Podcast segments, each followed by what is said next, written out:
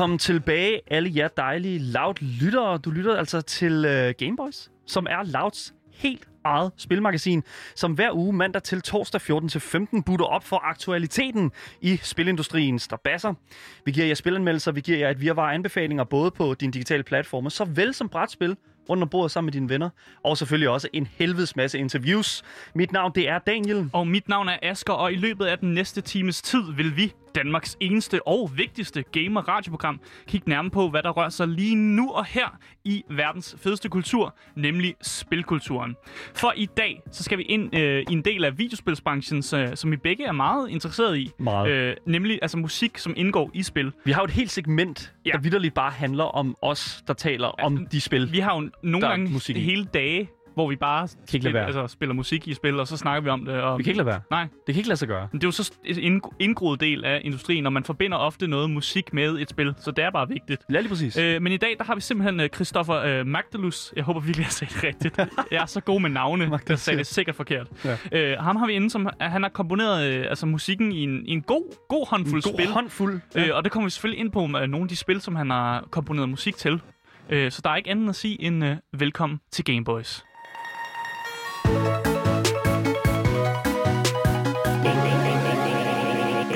Yes, men I slipper altså ikke for nyhederne, fordi det er jo torsdag, og det betyder jo også, at... Øh, Vi går til weekend. vi går til weekend lige om lidt. Vi er først tilbage igen på mandag. Men øh, dagens nyheder er jo altså virkelig, virkelig ikke øh, altså, små af størrelse, fordi at øh, her på de sidste, her de sidste par dage her i den her uge her, der har vi altså været inde og lige rapportere en lille smule på, hvad det er, der foregår med Microsoft. Kan man ikke sige, at vi rapporterer på krigen?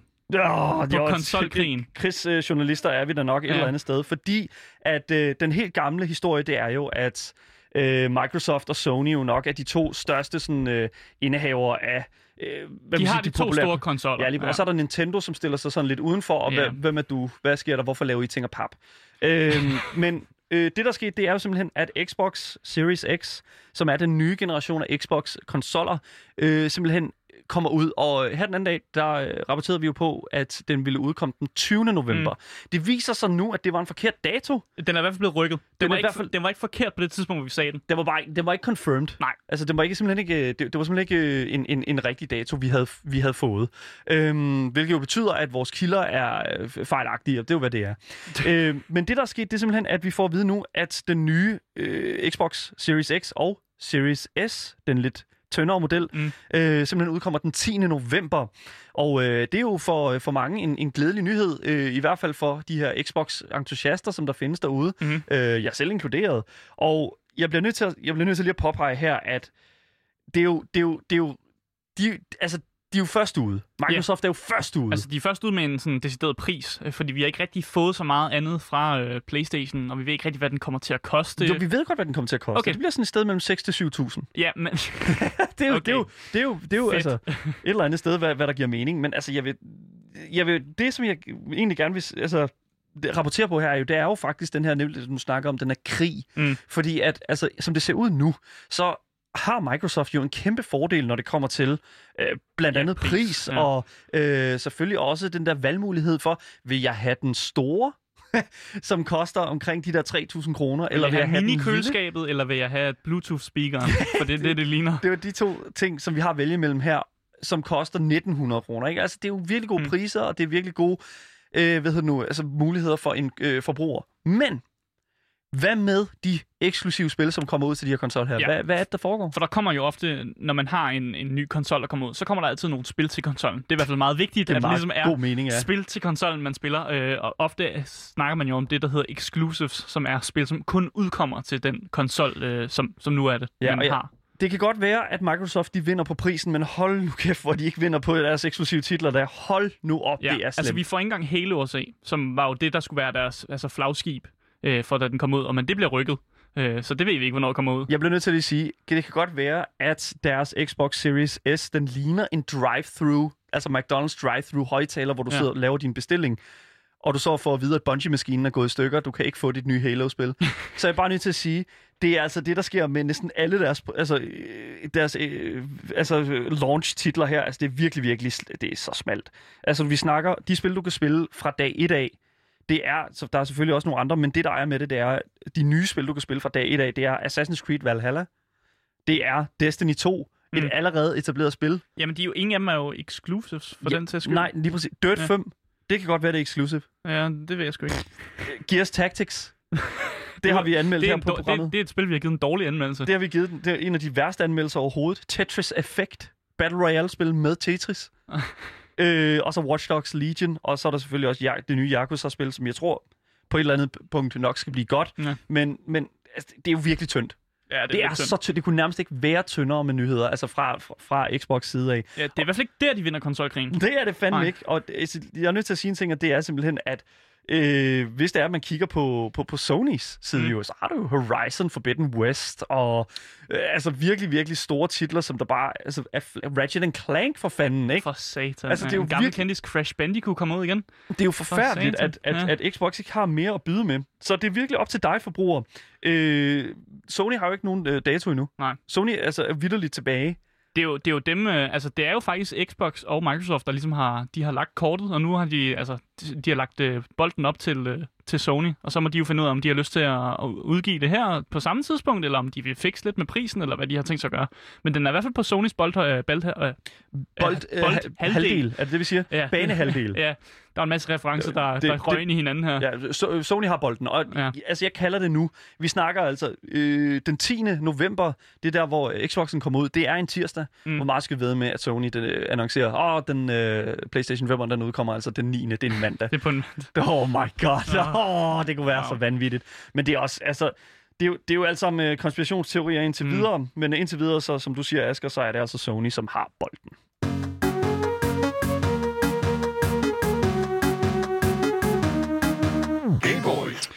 Dalle, har du nogensinde spillet øh, et sådan godt piratspil, der, jeg hedder, har, øh, der hedder hvad? der hedder Sea of Thieves? Øh, en sø af 20? Nej, Ja. det har jeg sgu ikke spillet. Nej, det har du ikke spillet. Øh, det har jeg. Det har og du? jeg synes faktisk, det er et ret sjovt spil at sætte sig ind i med sine venner.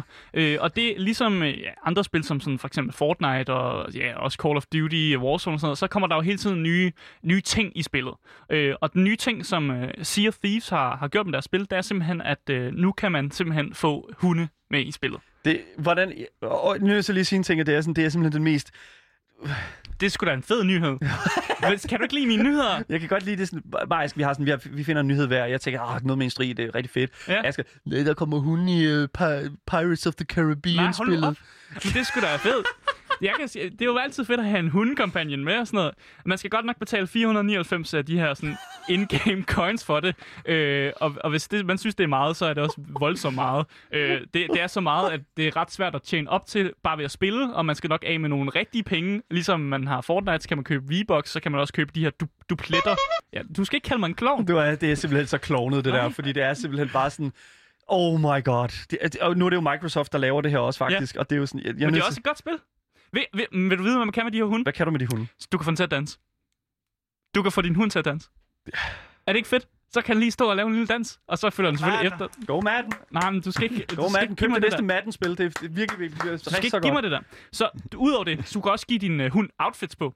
Så du kan give den en sjov lille outfit. Og det bedste af det hele, du kan skyde din hund af i en kanon. Okay. Det... Men Okay. den, er, den har det fint, den er glad for det. Den, den, dens ansigt er totalt sådan, nej, den var den glad for at blive fyret afsted i en kanon. Hvad er det for nyhed, det her? Jeg kan ikke forstå det, Asger. Men Jeg- det sgu da mega fedt. Hvorfor er det... Okay, Sea of Thieves er jo fantastisk spil, Ja. på, fordi det, det, det er virkelig sådan, det er samarbejde I på, går, på, i, på en båd. jeg fik faktisk lov til at, at møde en af de her hunde i spillet i går, da jeg Ja. spillede. Øh, men det var mest fordi, jeg skød ejeren i hovedet, Åh, fordi han havde gemt sig i vores kahyt. øh, og så stod jeg med hunden der. Oh my god. Jesus Christ, Men han skal bare lade være med at snige sig ind for vores skib, jo. What the fuck? Okay, jeg, jeg tror, skal vi ikke stoppe den her? Nej, Øh, Nå, er der, Jamen- er der mere? jeg vil bare gerne sige, at det er nogle søde hunde. Okay, det er nok. fedt at se dem danse. Ja, jeg er ked at sige det, men det, det, det, det, er, super, det er så kedeligt.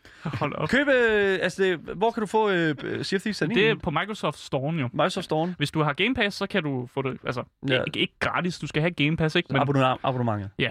ja. Microsoft Store. Game Boys.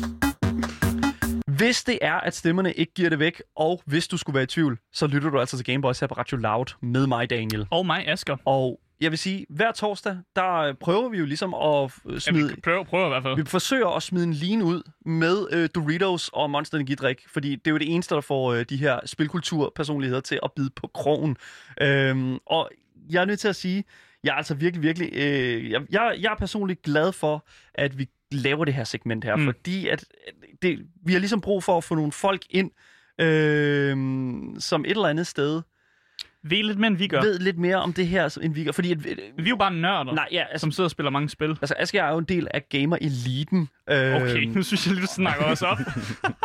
Og øh, til det, altså, grund til, at vi vi synes, det er fedt at få folk ind, det er jo netop på grund af det hele det her øh, spørgsmål om, hvordan i alverden begynder man overhovedet den rejse, der hedder at arbejde i spilindustrien. Mm. Og øh, det Og der er jo mange aspekter af spilindustrien, skal man Lige huske på. præcis. Altså, vi har haft folk, der ligesom har siddet med ja, musik, og folk, som har siddet og, og sådan lavet våben i spil. Ja. Øh, også bare developers, øh, og folk, som måske streamer spil. og øh, andre anmeldere. Ja, også det. Lige præcis. Og til det øh, har vi jo faktisk i dag formået at nok trække en af altså endnu et af de her individer ind i studiet, som virkelig, virkelig har nogle kompetencer, som siger Spar 2. Og øh, jeg synes bare, at vi skal, altså, vi skal starte nu øh, med at introducere dig, øh, Christoffer øh, Magdalus. Øh, er, det- er det, først og fremmest velkommen til programmet. Tak. Magdalus. Ja, eller Magdalus. Magdalus. Så jeg, jeg sagde det forkert, gjorde jeg ikke? Jeg tror faktisk, jeg vil acceptere begge svar. Yes! Magdalus eller Magdalus. Det jeg synes, er- Magdalus, det er mega Jeg fedt. siger selv Magdalus, men hvis... Det vil Øh, sige, at jeg er en for 10. Eller sådan Okay, noget. Jesus, ja, det er, det er rigtigt. Asger har det øh, notorisk svært ved at, at, at sige navnene, men jeg, mig selv også inkluderet.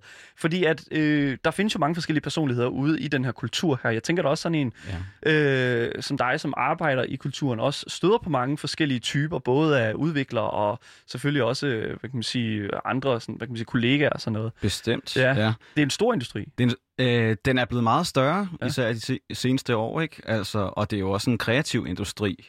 Og det er, det er jo også en nørdet industri, og det er også en... Øh, det er jo en industri, der også er blevet business, Mm. mm. kan man sige, ikke? Mm. Øhm, og nu er jeg jo en del af musikken i det, kan man sige. Ja. Og det er i virkeligheden kun et lille hjørne af det, der er spilindustrien. Det er det hvor fandme. langt de fleste måske i virkeligheden er programmører og grafikere, Mm. øh, vil jeg sige. Så, så vi er faktisk en ret lille kerne, der er laver musik i spil. Mm. Ja. Ja. For du er jo en del af det her, sådan det kreative aspekt af hele sådan, hvad kan man sige, produktionslinjen, øh, der hedder et Ja. videospil. Ikke? Altså, Mm. Det kommer igennem mange forskellige trykpresser, hvor at der er mange forskellige typer af øh, individer, som får lov til at have fingrene i det, øh, helt fra starten af kreationen og til sidst med marketing og selvfølgelig salg og den slags. Ja. Øhm, og vi har jo haft, vi har jo snakket med en hel masse, som, som har haft en, fingrene i mange forskellige dele af det.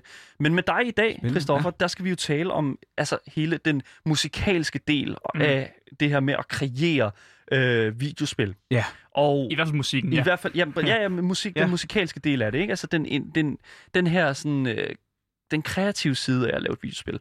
Og jeg kunne bare tænke mig for helt sådan øh, lavpraktisk at spørge dig om, altså sådan, hvor, øh, hvor kommer du fra? Jamen, jeg kommer jo selvfølgelig en hel del fra musikken, kan man sige, fra musikindustrien, hvor jeg også er live-musiker, har mit studie, og også har mm. lavet lidt andre ting, man kan sige, der ikke har noget med spil at gøre, som også har måske med film, teater, Mm. reklamer, den slags Mm. ting at gøre, men har de sidste 5-10 år, vil jeg sige, lavet rigtig meget musik i computerspil, fordi det på en eller anden måde har passet godt til mig, Mm. og øh, det, har, det har fungeret, og det er blevet noget, der er vokset, Mm. og jeg har været glad for det, ikke? Altså, hvordan kommer man dertil? Altså, hvad, hvad uddannelse har du? Altså, hvad ligger i bagagen for, at du er nået dertil, hvor du er? Ja, altså i virkeligheden, øh, jeg har faktisk en uddannelse, jeg ikke bruger så meget direkte, men jeg har en bachelor i datalogi. Mm.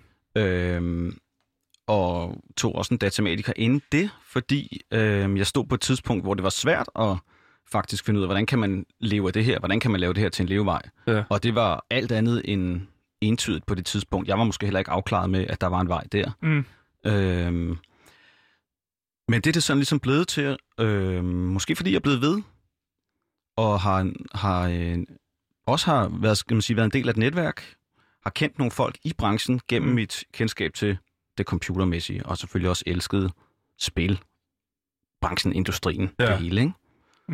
Men hvor, Ja. altså, jeg tænker jo meget sådan tit på, altså sådan, fordi du siger, du, du beskriver dig selv, du står i en situation, hvor at, at du er i gang med at tage en, en uddannelse, som et eller andet sted selvfølgelig ja. nok kan føre til et arbejde, men ikke har så meget med din interesse at gøre. Øh, Det er rigtigt, kan ja. man godt sige, ikke? Ja, okay, fordi ja. At, altså, så tænker jeg jo straks sådan, altså sådan, hvordan i hele hule helvede begynder du overhovedet at tænke på den løsning, der hedder, jeg skal lave det her professionelt? Altså, hvordan i alverden befinder du dig mm. i den situation? Ja. Altså, Det er selvfølgelig kommet gradvist, vil jeg sige. Ikke? Ja. Mm. Øh, og at jeg tog, øh, den uddannelse, jeg tog på det tidspunkt, var jo også for at, var der jo sådan sådan et meget fornuftigt valg, kan man sige. Ikke? mm. Som bestemt også havde noget med min interesse at gøre. Ja. Og bestemt også er noget, jeg bruger indirekte, kan man sige. Ja. Øh, men at jeg jo så faktisk lever som musiker, øh, det er virkelig noget, jeg har haft med mig fra endnu tidligere tidspunkt i mit liv. Altså fra Ja. nærmest fra jeg var helt lille, hvor jeg begyndte at spille og skrive musik, Mm. Mm. Øh, uden overhovedet at ane noget om, hvor det fører hen. Ja. Og det anede jeg intet om på det, Det- tidspunkt. Det er jo det, jeg synes, der er pissefedt. Ja. Du, din historie minder mig jo faktisk lidt omkring Jonathan Colton, øh, ja. som er en uh, musiker, der også er uddannet øh, datamatiker og øh, også uddannet koder og den slags. Altså kan rigtig, rigtig meget med computer. Arbejdet på et kontor det meste af hans liv. Og ja. så lige pludselig en dag begyndte at skrive musik, og så, fordi det også var en interesse, og så var det bare det, hans liv begyndte på. Ja. Og øh, historien ender faktisk ud med, at han ender med at skrive temamelodierne til alle Portal-spillene. Ja, store Øhm, spil. Store, Stærkt. kæmpe, kæmpe ja. Store spil jo, ikke? Wow. Ja, så ja. Det er jo sådan et eller andet sted en meget interessant sådan, altså, altså det, det er jo en interessant tanke, det der med sådan at gå fra at være et meget teknisk, teknisk individ, Ja. til at, sådan at, at ind ud i noget, der er meget mere sådan, hvad kan man sige, øh, eksplosivt i forhold til sådan kreati- Ja, ja. kreativitet og, og, og sådan Præcis. drive og inspiration og sådan noget, ikke? Ja. Mm. Altså, de her to aspekter af, altså selvfølgelig din baggrund og den slags, altså sådan, Det virker ikke som om, det er forbindeligt på en eller anden måde. Nej, Men det er jo fordi, det mange, det jo ikke være, mange vel? tænker jo sådan, at datalogi, de tænker jo meget sådan nørdede mennesker, man sidder og kigger på en masse tal, og det er meget ja. Logisk tænkende. Og så er der selvfølgelig musikaspektet, som jo er det kreative. Altså, hvordan, hvordan, hvordan Ja, sammenkobler det er man godt, det? Jeg synes, det er et godt spørgsmål. Og dels vil jeg så sige, at jeg synes jo altid, at jeg har haft det kreative med mig, Mm. for det første. Men Ja. det, og det er der mange mennesker, der har, vil jeg helt Mm. klart sige. Jeg vil også... Øh, jo, og det er jo rigtigt, at det kreative, det, der bruger man jo følelser på en bestemt måde. Det er jo det, man kaster rundt, ikke? Ja. Øh, hvordan føles noget? Hvordan virker det? Øh, og det er måske lidt forskelligt for, hvordan man sidder, hvis man skal skrive Mm. noget kode, for at bare tage den sådan helt hardcore mm. ting. Jeg har i hvert fald, altså jeg har lavet mig fortælle af folk, at det er nemt at arbejde sammen med mig, fordi jeg forstår, hvordan branchen virker, eller forstår, hvordan Mm. mm. det digitale virker, hvordan et computerspil virker. Øh, det er ikke noget, jeg har tænkt over sådan bevidst, at jeg forstår, men det giver en struktur i måden at arbejde på, der åbenbart har været brugbar. det er jo en kæmpe det. kompliment. Det er det faktisk, ja. Og jeg har tænkt over den bagefter, og, og ikke noget, jeg selv har, øh, hvad skal man sige, lagt op til eller fisket efter, eller forstået rigtigt, hvad var, men øh, det har jeg fået at vide i hvert fald, at det kan forenes på den måde. Ja. Mm. Hvordan, altså det er jo fordi, det der med komplimenter i den her industri her, altså sådan noget, ja. Samarbejdspartnere og kollegaer, sådan, altså sådan, føler du, at, at det, altså, den del af industrien, du arbejder i, føler du, den er competitive? Øhm, ah, det, jeg forstår godt dit spørgsmål. Ja. Øhm, nej, sådan føler jeg det egentlig ikke, men jeg er godt Mm. klar over, at det er alt vel et eller andet sted. Mm. Men jeg vil så sige, at der er jo også noget sjovt ved, hvis vi nu snakker om musikbranchen i computerbranchen, Ja. som jeg også sagde, det var et lille, et lille univers, hvor faktisk også øh, mange af os ikke rigtig kender hinanden. Mm. Og, hvilket er sådan lidt underligt. Øhm, og der er blevet startet nogle små øh, initiativer øh, op, for eksempel sådan noget øh, game audio playthrough, som øh, foregår inde på Gamle Kongevej, inde i, hvad hedder det, Musikkens Hus. Skal Okay. okay. være sikker på, øh, at jeg siger det rigtigt. Det, eller, ellers så, Ellers det, samler vi op så er på det meget i stil Ja. med, med, med programmet. Ja, det er godt. øhm, Men nogle, Ja. nogle skønne folk, der nemlig har gjort lidt for at bygge lidt mere et netværk op omkring dem, der arbejder med sådan noget. Ja. Ja, fordi kan man godt øh, føle, at man måske lidt sidder på en ø, når man skriver øh, altså musik til spil. At man, man, man har måske ikke så meget med programmørerne ja. At gøre, og hele sådan industrikomplekset, man er bare en lille del af det, som så måske bare sidder derhjemme med altså, guitar eller et klaver og bare. Ja. spiller nogle ting, og så sender det ind til dem, og så putter de det ind i deres spil. Det kan man sagtens føle. Og man kan også, altså, også selvom man måske endda sidder inde på kontoret sammen med dem, der har et studie derinde, mm. eller hvordan man lige gør det. Fordi man laver slet ikke det samme jo. Man laver noget, der er temmelig forskelligt.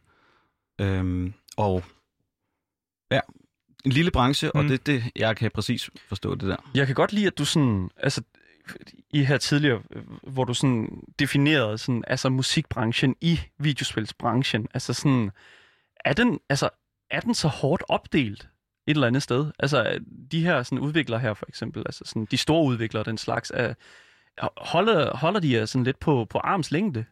eller andet sted, eller øh, er, er der faste stillinger at finde og, og den slags? Ja, der er nemlig faste stillinger at finde, og det er jo ikke det, jeg er en del af, kan man Nej. Sige, eller heller ikke er gået efter. Og det, jeg ved, der er nogen, der er det, man kalder fastansatte, typisk noget lyddesignere. Mm. Mm. Fordi at man kan sige, musik i spil er jo også meget andet end at komponere Ja. ja. et score eller noget originalt materiale. Det er jo også at få noget lyd til at fungere øh, på alle mulige tekniske fronter, og ting, der også er mere Mm. sætte nogle rigtige lyde sammen med noget, der lyder godt, passer godt. Men det har aldrig tiltalt dig. Det er også noget, jeg nogle gange har lavet, fordi det er Okay. faktisk en, en forlængelse mm. af, af at lave musik ret langt hen ad vejen. Og noget af musikken, man laver, er jo også øhm, underlægnings nærmest, altså, mm. øh, hvor det nærmest har tang- tangerer soundscapes, eller Ja. altså, lyd simpelthen bare. Mm. Og en lyd har også en stemning, ikke? Jeg bliver også nødt, jeg bliver nødt til at lige vende tilbage til, til det hele din, din sådan, rejse igennem dit liv, og hvordan du kom ind i videospilsbranchen, fordi altså, hvordan kommer man ind i at skulle lave altså, musik i et spil? Sender man en ansøgning ind til et spilfirma, eller hvordan? Hvor er din altså, fod i døren hvor- henne? Hvordan Godt kommer man spørgsmål, ind? ja. Godt spørgsmål. Øhm, først og fremmest er jeg meget usikker på, hvad der er den officielle vej ind. Mm. Er der overhovedet det, ikke? Og det tror jeg ikke, der er. Nej. Og det er så... så øh, altså, det er jo en, en branche, der kommer fra noget sådan lidt, vil jeg sige, sådan helt Klondike-agtigt, hvis man går tilbage i tiden især. Altså, det startede vel nærmest i 80'erne med nærmest en enkelt programmør, der sad og lavede det hele, Ja. til Mm. mm. at blive til nogle små teams på måske seks personer, eller ja. et eller andet, som lavede nogle rigtig førende eller populære spil dengang, mm. og så Mm. til nu, hvor det er over 100 mennesker, der sidder og laver noget, så det hele er skiftet meget på den måde. Øhm, min fod i døren har vel været, at jeg har arbejdet sammen med et slæng af folk, Mm. Fra sådan cirka fra der, hvor jeg kom fra, og blevet ved med at dyrke det, måske mødt nogle nye folk, og så har jeg lavet noget til nogle projekter, også arbejdet selvfølgelig øh, gratis på nogle projekter, bare sagt, hey, jeg laver noget musik til det her, det skal ikke... Mm. Heldigvis altså kunne få passionen ind på den måde, som også har været virkelig vigtig Men er det, ikke, mig, er det ikke farligt at sige som freelancer et eller andet sted, hey, nu laver jeg lige noget gratis arbejde? Altså, hvis, Jo. hvis, hvis den slags... Øh, hvis, hvis øh, Det er det. folk får nys om det, så er det bare sådan lidt... Altså, tænk, tænker arbejdsgiveren så ikke bare, hov, ham her, han arbejder for, for rød, altså bare rejer og ingenting? Men det er jo helt klart heller ikke noget, man skal gå hen og sige til en arbejdsgiver. Nej. Nej, det er præcis. Men Det er altså... noget, man går hen og siger til nogle ildsjæle, okay. som sidder og laver noget, øh, de brænder for. Og dem er der også Mm. rigtig mange af i den her øh, branche, Mm. så det er jo ikke noget, man går hen og siger til et etableret øh, projekt. Øh, jeg vil gerne underbyde, eller give det gratis, eller sådan noget. Det er jo noget, man siger til noget, som øh, måske starter op, noget man brænder for, noget som øh, ja, man føler for. Og det synes jeg, der skal være plads til at gøre. Og så når ting bliver hvad skal man sige, et, et øh, samlebånd, eller transportbåndsarbejde, eller når det bliver stort, og det bliver deadlines, og det bliver alt Mm. muligt andet, Ja. Så skal der jo selvfølgelig indfinde sig et almindeligt arbejdsliv Ja. omkring det. Ja, lige præcis. Er det da ved at blive sådan transportagtigt for dig, øh, i forhold til at lave musikken, eller er det ved at bare blive sådan en manage-ting? Heldigvis ikke. Nej, heldigvis ikke. Men hvor er det, du finder dine altså, inspirationskilder så henne, for, for, for det musik, du laver? Ja, øh, jeg vil sige, at til store produktioner, hvor man måske har lang tid til det, og der er mange, øh, mange ting, man sigter på, mange referencer, Mm. så giver det jo sig selv, at der kommer et research-arbejde, der Mm. ligger inde, som måske handler om at finde både Altså det, og research kan også her ligge i nærmest i billeder og, og genstande og storylines, men selvfølgelig også musik. Mm. Bestemte stykker musik, som kan være nye, eller som kan være gamle, og som føles rigtigt, eller som man tænker kan føles rigtigt til det her mm. spil. Og så er det en del af research, og så kommer man jo ligesom ind i et sprog, som har med det spil at gøre. Mm. Og så forhåbentlig falder der noget inspiration naturligt ud af det. Det er i hvert fald det, man forsøger at høste ud af at gøre sådan, Ja. tænker jeg. Fordi det er jo ikke små ting, du har, altså, det- altså re- rent, altså sådan kvantitetmæssigt. Altså, der er jo ikke, det er jo fandme nede med altså, en lang liste af titler, som du har øh, affilieret dig med, og brugt din, øh, din kyndige øh, hvad kan man sige, kreativitet på at sætte dit præg på. Altså, øh, simpelthen altså, vanvittigt ja. meget. Altså, øh, vi snakker øh, mobilspil, vi snakker computerspil, vi snakker øh, også endda, øh, hvad hedder det nu... Øh, Øh, er der noget konsol ind over os? Og, altså, jeg, jeg tænker mere sådan i forhold Jeg har ikke til... arbejdet med konsol, faktisk. Okay. Men de, dem, som vi måske talte om at snakke om i dag her, Ja. har, har især noget at gøre med det der sådan er App Store og Google Play. Mm. Altså, som rigtig mange mennesker står og spiller på tablets, telefoner, den slags ting. Ja, lige præcis. Øhm, fordi for, for mig der er det altså et spil, som vi jo... Jeg, jeg synes godt, at vi kan åbne lidt op for det nu. Ja. Fordi et spil, ja. Ja. som... Da vi først hørte om dig, Christoffer, Øhm, Der var det jo, altså, der var vi jo sådan lidt, okay, hvad har du lavet, ikke? Og det, et af de første spil, vi så, du havde arbejdet på, det var øh, Et spil, der hedder Lillys Garden. Lillys Garden. Yes. Og Lillys Garden er jo no- notorisk kendt for... Ja, det er vel kendt for to ting, faktisk. Det, hvad er det kendt for? Det har sådan et, et, et sådan dobbelt liv, kan man næsten sige.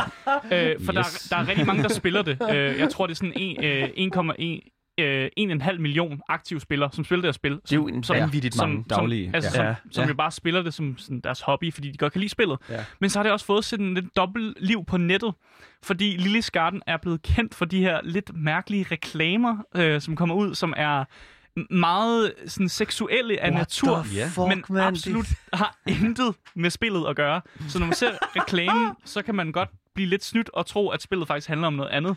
Og derfor har det jo ført det til, at det er blevet lidt sådan en, en internet-meme på en måde, og Ja. gjort lidt grin med. Øh, og, og det er bare sjovt, at det, at det har sådan et dobbeltliv. At, at det er slet ikke noget med hinanden at gøre. Jeg vil gerne opfordre alle vores lyttere til hurtigt lige smække YouTube op. Der er en fed YouTube-kanal, som hedder øh, Lilles Garden Ads, Ja. som bare er sådan en kanal, som bliver ved med at smide de der Lille Gardens ads op på deres øh, Yes. YouTube-kanal. Og, og så giver det dem altid sådan, altså, en titel, som rent faktisk er det, som er i... i ja, der bliver sådan hintet mod, og det er lidt sjovt. Og for lige hurtigt at beskrive en af mine yndlingsreklamer øh, fra øh, Lillys Garden, så er det altså hende her Lille. Jeg går ud fra, at Lille er hende med brillerne og det røde hår. Sådan. Øh, og øh, hun skal til at vaske noget tøj. Hun er ved at putte noget vasketøj ned i en tørretumbler. Øh, og den har svært ved at lukke den her tørretumbler, fordi at, det ved jeg ikke, om I alle sammen kender, vi har for meget vasketøj, ikke? Mm. Øh, og hun står simpelthen og maser og maser det ned, så hun øh, tager simpelthen holder den lige lidt nede, og så hopper hun op på den, på den og pl- øh, planter øh, bagpartiet på den og lukker den på den måde. Ikke? Yes. Så starter maskinen jo, Ja, og den brummer. og den brummer jo op igennem understillet. Og jeg siger bare, okay, og nu er jeg så, det, kan hun, det kan man se, det kan, det kan hun godt Det er lide. lidt rart. Det kan hun godt lide. Og jeg er bare sådan, nu kunne jeg godt tænke mig at spørge dig, øh, Christoffer, Ja. øh, Maudulus, øh, som er altså simpelthen komponist af musikken til det her spil. Ja. Var, var du bevidst om, da du lavede musik, Ej, den havde jeg ikke set komme. at, den. at, at du ville markede det på den her måde? Hvordan, altså, du må, jeg spurgte dig før, der Ja. virkede du ikke sådan super øh, over, øh, overbevist, men altså, du må da have været pist på en eller anden måde, om at have været ført bag, ført bag lyset. Nå, ej, sådan føler jeg det slet ikke. Overhovedet ikke. Mm. Nej, altså, jeg vil sige, de her reklamer, og det lyder næsten som om, om I ved, mere om reklamerne, end jeg ved Ja, ja. Men faktisk. det er, fordi vi er større fans, tror jeg, end- af lummer humor, det ved jeg ikke. kan godt være, det det. Men jeg, jeg har fået det at vide, nærmest fået det at vide gennem... Øh, er det dig, er det, har du noget med de der reklamer at gøre? Ja. Hvad for nogle reklamer? Ja. Og, så- og så, øh, ja, fordi jeg, jeg kender jo spillet og har, har lavet musik, men øh, jeg blev overrasket over det, det vil jeg sige, og det er jo selvfølgelig ikke noget, der har været... Øh, jeg, synes, det, jeg synes, det griner og spændende at se, hvad det kan blive til, Mm. mm. at sende sådan nogle reklamer ud i verden, men det var jo ikke noget, der var på tegnbrættet til at starte med, kan man sige. Nej. Så det er jo noget, der er øh, bygget ovenpå hen ad vejen, Mm. mm. som en... Måske er det sådan, man øh, markedsfører ting på... Øh, øh, Altså, det er gået virkelig godt, fordi det, det har jo givet et vist blikfang. Ja. Og, og det har jo gjort, at folk sådan har klikket ind på spillet. Ja. Og så er der jo nogen, der tydeligvis er blevet hængende, i, fordi de godt kan lide gameplayet. Eller, eller måske fordi de godt kan lide musikken. Ja. Ja, Det ved man ikke. præcis. Det er svært at Derfor. sige. Men jeg tænker jo meget sådan, altså sådan, når du kommer ind i et projekt og sådan noget, og, øh, og altså, du ved jo, ved du reelt set egentlig ikke rigtigt, hvad det her musik, det kommer til at blive brugt til. Jeg tænker, du får nogle retningslinjer. Ja. Der skal være noget musik til, til vores øh, overview af lobbyen eller et eller andet Ja, men lige præcis. Og så, og så så går du sådan set bare ud efter det, men, men har du andre sådan pejlemærker? Øh, hvis vi bare for eksempel tager øh, et spil som Lillys Garden Ja. øh, til, som eksempel. Jeg vil sige, at man har overraskende lidt. Ja. Fordi som komponist, i hvert fald på den måde, jeg er her, øh, er man med me- meget tidligt i forløbet. Mm. Og det betyder, at der er mange ting, der er usagte. Mm. Der er mange ting, der kan blive ændret. Der er mange ting, der kan ende med at være noget andet. Og det er ligesom okay, fordi sådan er det altid, når man er tidligt i en kreativ proces, at der kan blive taget mange store beslutninger bagefter. Ja. Og jeg er med meget tidligt, så da vi er i gang med at starte Lille Skarten op, så er det jo stregtegninger mm, af Lille. ja, Ja, der ja. ja. findes jo ikke noget øh, som helst animeret. Der findes ikke noget spilbart spil i starten. Det er Mm. måske nogle Koncept. Mm. Word-dokumenter Ja, ja, næsten, præcis. eller sådan noget, ikke?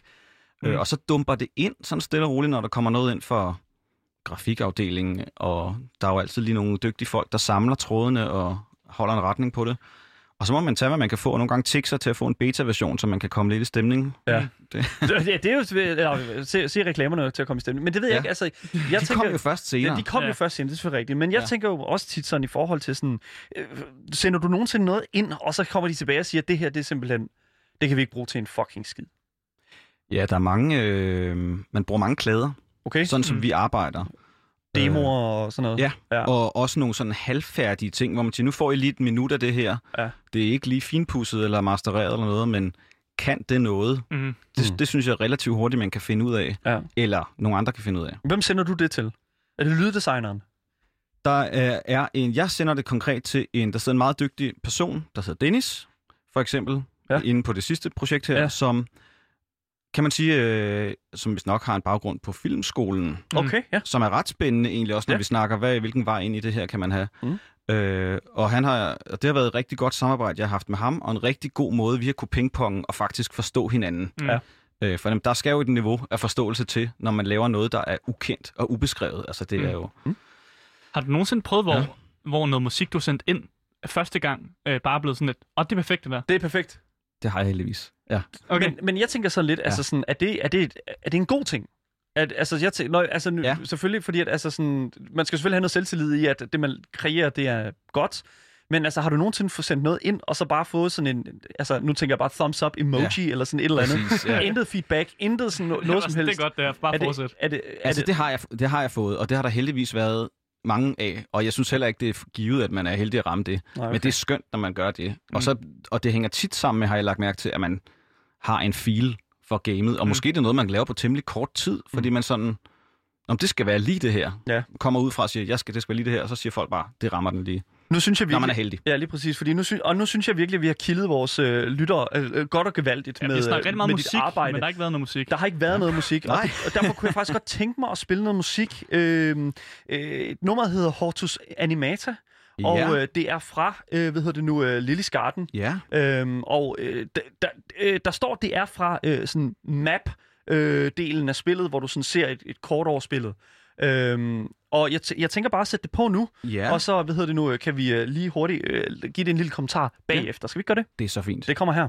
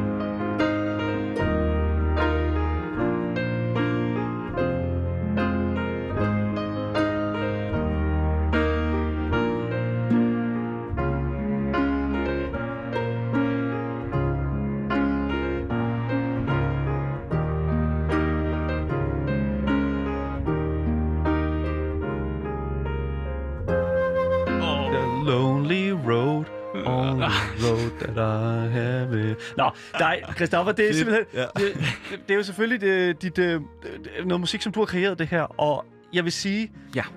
Det er jo fra øh, et spil, der har været meget kontroversielt øh, med deres reklamer, og Mm. øh, hvis det er, at du Men først er begyndt, hvis du først er begyndt at lytte med Ja. nu, så lytter du altså til Gameboys her på Radio Loud med mig, Daniel. Og mig, Asger. Og vi er altså i gang med at interviewe k- spilkomponisten Christoffer Maudulus. Øhm, og det her musik her, det er jo noget øh, musik, der består af ret mange forskellige sådan, instrumenter. Øhm, og øh, du fortæller jo, Ja. at du er øh, rimelig god til altså keyboard, piano. Øh, du er dygtig med, øh, med hvad kan man sige, Nogle oktaverne. tangenter. Ja. Og, og tangenterne, og ja, lige Ja. præcis, de sorte og de hvide. øhm, og, øh, men der er også en hel masse andet her på jo et eller andet sted. Altså, du kan høre nogle fløjter og sådan lidt. Øhm, Ja. Og det er, jo ikke, kom, altså, det er jo ikke noget, der er spillet af dig. Nej, det er rigtigt, at musikken her til Lille Skarten, er det så nu, er meget klaverbåret, mm. klaverdrevet. Ja. Øh, det er det, det udspringer af. Det er også mit instrument, klaver og keyboards. Det vil sige klaver og hvad der ligger af harpe-samplinger. Mm. Ja. Det er jo sådan noget, jeg sidder og laver selv, Ja. ikke? Og så har jeg haft fløjtenist Sofia Kajaja i studiet Mm. og indspillet tværfløjte. Det er fandme, altså den tværfløjte, det er fandme, vi kan lige hive det lidt op her. Ja.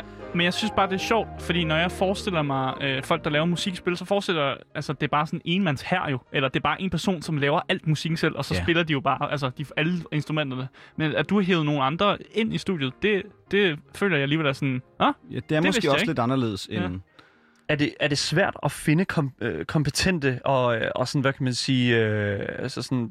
Øh, hvad, at finde folk til, til at spille Ja. fløjte. Du, du skriver måske ikke bare lige et Facebook-opslag, eller lige... Nej, et, et opslag på den blå avis.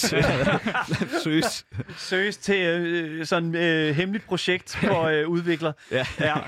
Nej, men altså, er det, er, det, er det lige til højrebenet at finde en, øh, nogen at samarbejde med? Det har det været for mig, og jeg vil sige det sådan, at det er fuldstændig rigtigt, at man er meget enmandsherre Mm. mm. som øh, musikkomponist, for det skal typisk også i dag lyde af meget, Mm. og det skal have sådan en meget kort øh, workaround-tid, når man Mm. sidder og arbejder med det. Hurtigt nogle plader frem og tilbage, der skal sige bum og bang, så man har ikke tid til at, ja, at få folk til at komme og spille og skulle lave en aftale med dem i kalenderen. Altså. Nej. Men øh, nu har jeg jo så været, som jeg også nævnte kort, en del af øh, et bredere musikmiljø, fordi jeg også er live-musiker. Så jeg omgås, kan man sige, Københavns Mm. Musikere af forskellige, alle mulige forskellige instrumenter. Og egentlig både klassiske, rytmiske og...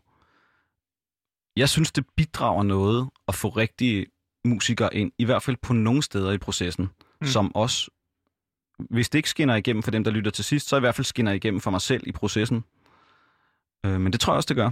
Ja. Mm. Så det gør jeg, når jeg kan, når jeg har mulighed for det. Fordi det er jo netop også et, en anden ting, som, fordi at, altså, det er jo garanteret ikke altid det, det lige ligger i budgettet, eller, eller den slags fra udvikleren. Altså, de her aftaler her, man laver som freelance arbejder, øh, Ja. er, det, er, det, er det sikkert arbejde? Altså, er, snakker vi en fast indkomst hver måned, og altså, pff, ja, det. Det er det jo ikke, når man er freelancer, Nej. Selvfølgelig, men det har det på en måde lidt været for mig. okay. Det har været tilbagevendende ting, så det har jo, det har jo mindet lidt om et, om et Om et fast, fast arbejde, arbejde, ja. kan man sige. Jamen, det er jo nemlig, du, du, du adskiller det alligevel lidt fra, fra andre freelancere, altså, eller er det bare, altså, jeg, jeg prøver sådan at finde ud af, om, om ja. det er, fordi du mønter det på held, eller om er det fordi, at du øh, et eller andet sted tænker, dygtig, Daniel. Nå, ja, ja, men altså, det, det, jeg tænker jo netop sådan, altså sådan, som freelance-arbejder, ja. Så er det jo bare sådan, altså, jeg kender freelance-arbejdere, der ja. Arbejder inden for, for altså, sådan noget som for eksempel uh, serie- og medie- og tv-branchen, der sidder og klipper alle mulige forskellige ting. Yes. Og det er også freelance-arbejde, og det er meget sådan sporadisk, og meget sådan små øh, plots af, af græs øh, totter, der stikker ud på den der store mark, der er ens hele år. Øh, Fuldstændig rigtigt, ja. men, men altså, for dig er det sådan, der er det, der er det, der er det meget mere sådan frekvent, eller hvad? Det har det været de sidste, de sidste års tid, kan man sige. Mm. Og ja, i virkeligheden, så har det jo passet sammen med, at jeg også har et andet musikliv, hvor jeg laver Mm. andre ting også. Så det har Ja. selvfølgelig også skulle indgå i det. Det har været en del af min egen kabale, kan man sige. Ikke? Ja, selvfølgelig. Så derfor har jeg ikke kunne gå... Jeg har heller ikke kunne blive... Jeg tror, vi snakkede om på et tidspunkt en fastansættelse. Mm. Øh, og jeg, det ville jeg ikke kunne gøre, i hvert fald ikke på det tidspunkt. Have tid til at skulle møde op på en arbejdsplads et par gange om ugen. Øh, der er ligesom nogle ting, som ikke passer til mit liv. Okay. Så jeg har, også, jeg har faktisk lidt holdt fast i en freelance-tilværelse, kan Mm. man sige. Mm. Men det virker jo næsten som en dans på roser. hele det her? Har, altså, har du aldrig nogensinde mødt modgang i, i, i hele Ja, den det her? er også langt den vej. øh, Det glemmes ind, det der. Det kan godt lige stoppe. Det kan godt, godt lige høre det, fordi det, ja. det er... jeg er meget, jeg, jeg faktisk sige, jeg er meget øh, taknemmelig for, for det, jeg Mm. laver, og glad for det, jeg laver, og, Mm. mm. og, det, og det, som jeg laver nu, er, der er meget motivation og, og glæde i det. Og jeg, og jeg ved godt, hvad det er, øh, du vil Mm. mm. snakke om, eller hvad Så, så der har slet til. ikke været noget modgang? Jo, og det har der jo, Ja. fordi at nu har jeg jo gjort det her nogle år, Ja. ja. og da, da jeg startede op, så øh, var mit netværk mindre, for ikke at sige ikke eksisterende. Mm. Jeg vidste, at der var noget, jeg kunne lide at lave, så det var Mm. det, det startede med. Mm. Øhm, havde ingen anelse om, hvor det passede ind, eller hvordan jeg kom der til, eller er det her overhovedet en branche? Mm. Findes der nogen, der kan bruge det her? Mm. Har du også øh, nogensinde prøvet, at, øh, at der måske var et, øh, et job, som har besnuppet for næsen af dig? Det er jo freelancer. Det er jo en rigtig freelancer-oplevelse, tænker jeg sådan lidt. Ja. Altså, det er, der, fordi som freelancer, der Godt sidder man jo vel hele tiden og, og jobsøger et eller andet sted, eller er på jagt efter det næste, eller bliver man headhunted? Jeg tror ikke, at freelance-branchen inden for musik til computerspil er så hård på den måde. Mm. Men den er til gengæld meget, øh, hvad skal man sige, øh, begrænset rundt i nogle hjørner. Mm. Det vil sige, at, som jeg også nævnte tidligere, det der med, at det er ikke alle, der kender alle. Og man er måske næsten, man kan næsten være ud for, at det er en musiker, der venner med programmørerne, eller en, der hænger ud med nogle programmører. Mm. I hvert fald i nogle enheder. Selvfølgelig ikke de store firmaer, fordi der er der en mere, der er selvfølgelig flere fastansatte måske. Det er klart. Men ellers til, hvis vi snakker computerspil, sådan også i de mindre størrelser, så tror jeg, der er mange mennesker, som man ikke kender, som sidder og er måske lyddesigner, men så også laver musik. Ja. Mm. Jeg, jeg, bliver nødt Ja. til, jeg bliver nødt til at spørge bare helt, altså det er totalt inden for højre, det, her, øh, det her spørgsmål. Nu sker det. Øh, ja, nu, Nu kommer, sker- der, nu nu sker kommer der det. et for højre spørgsmål. Nå, okay, ja. Men det er fordi, øh, øh, jeg tænkte bare sådan, har, er der nogensinde, hvor du spiller nogle spil? Øh, jeg ved ikke, om du sp- spiller så mange spil, øh, men er der nogensinde, Ja. hvor du tænker, musikken i det her spil er bare sindssygt god? Ja. Øh, hvor du simpelthen bare, er, er, er der et spil, hvor du synes, musikken er, er helt altså, igennem fantastisk? Ja, Altså, du må godt sige, at du ikke spiller så mange spil, og så går vi bare videre. jeg spiller ikke så mange øh, Nej. spil lige nu, men, men, jeg, men jeg kan godt sådan svare alligevel generelt Mm. på det og sige, ja, helt sikkert. Jeg spiller mange, eller har spillet mange spil, eller så ser nogle spil, mm. eller bare ser et klip af det på YouTube, og synes, det er fedt. Jeg synes, den Helt anden sikkert. side af mønten, den faktisk også er rigtig interessant. Den negative ja. del af det. Ja. Alle er jo en kritiker, kan man jo sige et eller andet sted. Og jeg tænker jo meget. Ja. sådan, at når man sidder og er professionel et eller andet sted, støder du nogensinde ind i andres arbejde og tænker, hold nu kæft, Det, kunne det der, det kunne jeg simpelthen have. Det der, det, kunne, det det kunne der, jeg det kunne jeg bedre. simpelthen have altså, fuldstændig vendt rundt og gjort 100 gange bedre. De skulle have ansat mig. Sidder du nogensinde og tænker det? Det kan man måske godt komme til at tænke på, men Altså, skal du passe på. jeg skal passe på. men, men jeg kan faktisk ikke lige huske en situation, hvor jeg Nej. har tænkt det. Mm. Jeg kan godt forstå, hvad du mener. Altså på mm. den måde, når man ser... Altså hvis et spil fungerer ordentligt, og musik øh, også er i spil, Ja. Så bliver man jo inspireret, hvis der er noget, der fungerer. Og så, Mm. så er det jo der, hvor man siger, ej, jeg kunne godt have fundet på at lave det her også, og det kunne være sjovt at gå den her retning. Mm. Og det er jo i virkeligheden er det en kado på den måde, at man bliver inspireret af det, man oplever Ja. til at lave noget. Og, og jeg synes sjældent, at man støder på noget, hvor man siger, det er simpelthen for dårligt, eller det passer ikke. Mm. Så er det måske bare noget med, at når, så har musikken fået en mindre rolle. Ja. Så det er, det er aldrig, den, det, altså, det er aldrig komponistens skyld, hvis, hvis der er noget, der er... Altså, Hmm. ja, fordi altså, det, Altså, jeg har spillet nogle rigtig dårlige spil, hvor musikken ja. har været elendig. Vi har et helt fantastisk ja, Ja, tirsdagssegment her på programmet, ja. hvor, jeg, hvor jeg sender nogle spil til Asger en gang imellem. Ja. Og det er måske nogle lidt mindre produktioner, Ja. øh, med lidt færre restriktioner for øh, måske en lidt... Altså, lidt der har været mere- spil, som direkte bare er larm i mine ører. ja. altså, det, er det er jo Okay. ikke musik. Okay, øh, nu, nu er vi i gang igen. Men jeg, jeg vil sige. Ja. til gengæld, altså, fordi at, altså, der må være stor forskel på, hvad der er af forventninger et eller andet sted. Og når man snakker omkring en, et stort udviklerfirma ja. Og et lille udviklerfirma, eller hvad? Er der, er der forskellige forventninger? Bestemt. Ja. Ja. Kæmpe stor forvent eller forskel. Ja. Og vi, og vi er igen tilbage ved det der lidt Klondike-agtige med, at de små spil, der er, øh, altså hvis man går helt tilbage, så var det nærmest programmøren, der selv sad og plukkede nogle lyde ind i, eller Mm. mm. Ja. nogle folk, der er meget lidt faglige omkring det, men, men laver noget andet også, og så kan de lige farve det på en eller anden måde. Det er sådan i den helt lille ende, ikke? Ja. Og så er det jo bare et, et, et ubeskrevet øh, Klondike-univers, helt op til selvfølgelig det, der vi kender som store, altså AAA-produktioner, store Mm. ting, Mm. mm. og måske de spil, I snakkede om i nyhederne, Ja. som øh, øh, Mm-mm. virkelig har et, et meget professionelt hold af komponister, måske også folk sidder med, der kan være symfoniorkesterindspilning, alt muligt inden, som sådan ligger i den, i den tunge afdeling, og der er der selvfølgelig mange led, og der er meget tjek på det. Ja. Men når man bevæger sig ned i, i mindre enheder og, og, og indie-spil for den sags skyld, så kan det jo være alt muligt, og musikken kan have alt mulig rolle, og det er også det, jeg synes er ret spændende, er, at musikkens rolle egentlig ikke er defineret. Mm. Det, skal ikke være, det skal ikke være et hit, eller det skal ikke nødvendigvis lyde som en Mozart-symfoni. Nogle gange kan det fungere og være en blanding af en lydeffekt og nogle flader, der gør noget. Ja. Mm. Så derfor er det også svært at, at pege på det. Altså man kan godt sige, at noget fungerer dårligt, hvis ja. det fungerer dårligt. Ja. Øhm, men, det, bring- men det er meget ubeskrevet, hvordan det skal fungere. Mm. Nu når vi snakker om forventninger, så, Ja. så er jeg tit sådan i forhold til, når vi taler med, med, med, med, med, altså med spilindustriens og spilkulturens, altså Ja. øh, fodfolk, altså der tænker jeg jo øh, sådan i forhold til forventninger. Hvem forventer mest af arbejdet? Er det dig selv, eller er det din arbejdsgiver? Jeg synes nok, det er mig selv. Ja. Mm. Øh, men det kan jo så være noget helt forskelligt for, hvordan de opfatter det, om de opfatter, at det passer til. Mm. Så det vil nok være noget med, at man selv sigter på noget, Mm. og så ser de, om de kan få det til at passe ind, og så, så kan det være to forskellige vinkler på det. Så det må man være ydmyg øh, i- overfor i virkeligheden. Ikke? øhm, Ja. Men jeg har i virkeligheden, altså sådan, hvis vi snakker sådan rent musik, hvad skal man sige, fagligt, teknisk og alt sådan noget der, Mm. mm. så er det jo nok mig selv, der, der driver det mest frem sådan noget med, at det skal øh, mixes, mastereres ordentligt, og det skal være gode øh, instrumenter, det skal Standarderne. standarderne, ja, Ja. der har- er man jo nok lidt, hvad skal man sige, lidt krævende, lidt forfængelig, kald det, hvad man vil, ja. omkring, hvad man leverer.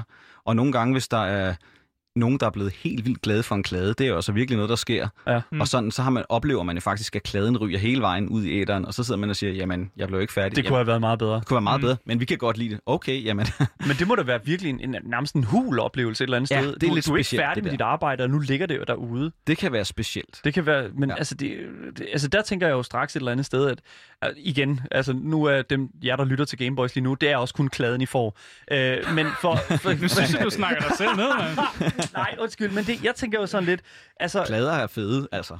jeg. klæder er fucking interessante, ja. Fordi at det er netop, altså, det er jo sådan den der sådan, proces, der er i Ja. gang, og altså sådan, det er sådan den der levende organisme, ikke? Altså, Præcis. og, ja. og alting er up in the air, og alting kan skæres fra og sådan noget. Og det er også det, der- lidt det, vi snakker om tidligere, det der med, sådan, man bare får, man sender det ud, det er fint nok, men det var jo ikke færdigt. Og så, Nej. ja, ja, ja, ja.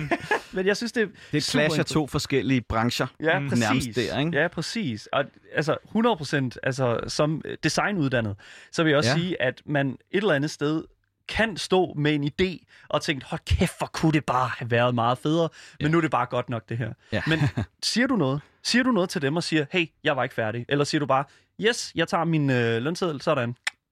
Jeg vil nok gå ret langt for at, at, at, at gøre tingene færdige. Ligesom det, som vi har, har hørt for eksempel, at Lillys Garden er også et eksempel på, at man meget tidligt i processen har lavet noget, der fungerede. Mm.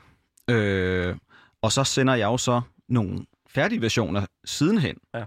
Øhm, og har også noget mere content eller materiale liggende, som så er det, der bliver udgivet, for det ryger ud på soundtrack Mm. her i efteråret, Ja. Lillys Garden, musikken. Wow, Øh, oh, ja. så- det bliver oh, det ryger altså af hylderne, det der, det kan jeg godt sige dig. det håber jeg. Nej, okay, men det er fordi, at jeg, jeg kom nemlig til at tænke på det her med sådan en, arbejds, en arbejdsdag i dit liv, fordi at altså, mm. Mm. øh, for mig er det jo sådan, jeg møder ind på kontoret, jeg begynder at skrive, jeg begynder at snakke med Asger. Nogle gange snakker jeg med Asger, det er ikke vi altid. snakker ikke sammen. vi snakker altså, meget sjældent med Asger Jeg sammen. prøver faktisk slet ikke at se dagen i øjnene, når vi laver radio. vi har jo faktisk to vidt forskellige øh, lokaler, som vi er aflåst imellem. Nej, det, det der er med det, det er jo en arbejdsdag, den er jo forskellig for mange mennesker i den her industri. Ja. Og jeg tænker jo lidt i forhold til din arbejdsdag, altså nu har vi jo lige, jeg ved ikke, om- altså pandemien og den slags, og vi er alle sammen spritet af og sådan noget, ikke? Altså sådan, jeg tænker, hold kæft, Ja. mand, det må da have været, altså som, som kreativt individ, altså, hvordan er din arbejdsdag der? Under pandemien? Ja, altså man kan sige, alle mine almindelige gigs Mm. som live-musiker, de er væk. Stort Ja. set. Nej, ikke alle sammen, men Okay. grunden til, at jeg er her i dag, er jo, fordi jeg fik aflyst tre jobs. øh, så det er jo fantastisk på den måde. Vi er, vi Vi er, er jo så glade for at have dig. det er så glad for. Ja, jeg skulle lige til at sige, at du var glad Jeg for er noget glad. helt andet. Men ja. Glad for at være her, vil jeg sige. Det er godt. Men eh, bortset fra det, ja. så er, har jeg været en af dem, der har været glad Mm. for at, at få sådan en fordybelsesferie her, fordi jeg har jo gjort det, jeg har trukket mig ind i mit studie, Mm. og gået i gang med et nyt projekt, som er så det, øh, vi også har snakket lidt om. Ja. Og øh, kunne, man kan man sige, finpudse nogle andre ting, eller Mm. bare starte nye idéer op, som, som måske er noget, der ikke udspringer af et projekt, der findes endnu, Ja. men som jeg har lyst til, eller lave min egen musik. Mm. Det, det, det har, man kan nærmest blive ved. Ja, lige Mm. præcis. Og det er sådan, altså, jeg tænker jo meget sådan i forhold til sådan, ja, fordi for ud, uden, uden for pandemien og uden for hele den her coronasammenhæng her, der er det jo vel meget sådan en, øh, der er noget at lave for dig hver dag. Altså, der er noget at, at, at give sig i kast med konstant, Ja. tænker jeg. Ja. Og altså, et eller andet sted, så tænker, det er bare sådan, altså, som, det der med, føler du nogensinde, at du skal sådan jagte inspirationen? Altså, Fordi at nu har du ligesom du selv sagde, den der sådan fordybelsesperiode, ja. hvor du ligesom kan få lov Mm. til at træde skridt tilbage og ligesom... Men i, når, når alt er op på 100, når det altså virkelig var øh, kedlerne, de, øh, der, der er tryk på dem, ikke? Yes, ja. Altså, hvordan, hvordan med inspirationen der? Det kan jo godt komme under pres, og vi har haft et forløb øh, nu her med det nye projekt, som, som vi arbejder på, Ja. som øh, har været den situation, som vi også snakkede om før, at man, man får ret lidt at vide på et tidligt tidspunkt. Man har nogle meget løse ting at gå efter, som bliver ændret meget hurtigt. Mm. Og det fandt jeg virkelig ud af, var en svær måde at arbejde på, fordi mm. man, skal for, man kommer jo ikke udenom, at man forestiller sig noget op i hovedet. Det er jo det, man arbejder ud fra. En vibe, en lyd, nogle instrumenter, en approach, et eller andet. Mm. Og hvis det hele tiden bliver ændret, eller man får at vide, ej, det skal ikke i den retning, Mm. så lukker man sådan alt det, man har op i hovedet ned, og skal prøve at starte noget nyt op. Mm. Det har, øh, og samtidig med, at man gerne vil gøre det færdigt, har deadlines måske, der, der skulle jeg kæmpe for at starte en ny kreativ retning op Mm. hele tiden. Det synes jeg føltes svært. Ja. Ja, for det er jo hårdt. lidt en, en start from scratch øh, sådan en mentalitet med, at man har lige, man Ja. har lige t- skulpteret en, en hel skulptur, og så skal man Ja. smide den ud og starte på Fyldt ny. med lær på hænderne, og, det, Ja. og så er der bare ud... Det var... Øh, det, det fandt jeg svært i hvert fald. Ja. Mm. I forhold til sådan, altså, det her med sådan at, at, altså, at holde drivkraften kørende og den slags, altså sådan, er det en, Mm. selve drivkraften for hele dit arbejde, har du den defineret i dit hoved? Altså, hvad er din altså alt drivkraft? Altså, for jeg har lyst til at gøre det. Ja. På den måde. Jeg tror nok, jeg er meget fascineret af sådan meget... Altså, det er jo noget meget dybt spørgsmål i virkeligheden. Noget Fuldstændig. fuldstændig, vi Ja. snakker Ja, om. ja, Altså. ja. Men jeg tror nok inderst inde, jeg er fascineret af at kunne lave noget kreativt, som man så skaber, som Mm. mm. ikke har fandtes før. Mm. Og at kunne, at kunne skabe det og generere det og lave noget, noget content, noget rigdom, nogle idéer i det, Mm. det finder jeg sådan naturligt motiverende, Ja. vil jeg Ja. sige. Det kan jeg også godt forstå, fordi et, et spil er jo enormt tomt, hvis der ikke er musik. Øh, og det er jo en ting, man faktisk også lægger mærke Ja. til, når jeg... Fordi nu har jeg spillet masser af de her dårlige spil, som Daniel sælger mig. Og hvis der ikke, hvis der ikke er musik... Hey, fucking jeg, goddamn, prøver at lave, Asger. en- jeg prøver at lave en vigtig pointe Okay, her. så kom med Men hvis der ikke er musik i spillet, så, så, at, jamen, så dør hele spillet lidt for dig. Fordi ja. Der, du får lidt svært med at motivere dig. Du føler ikke rigtigt, at hvorfor sidder jeg det her? Altså, der er ikke noget i baggrunden. Det Prøv- er bare dig selv inde i dit hoved, og så sidder du og spiller et lortespil. Prøv at overveje, mm. Hvis ikke der havde været musik i Furry Wolf. Det, eller, du skal ikke engang minde mig om det. Der ah, det er det. Ja, det, det, det, det, det, kan I gå tilbage og lytte til. Det er fuldstændig lige meget. Ja, vi er, er, vi er fuldstændig løbet tør for tid, Christoffer, men jeg Sådan. synes simpelthen, at det har været fantastisk at have dig med i studiet i dag. Mm. Øh, Fantastisk at være her. kæmpe, kæmpe fornøjelse. Mega stor inspirationskilde for i hvert fald alle jer, der lytter med, garanteret os, i hvert fald for mig selv. Det har været en fornøjelse, øh, Christoffer Maudelus. Tusind tak, fordi du var med. Til tak.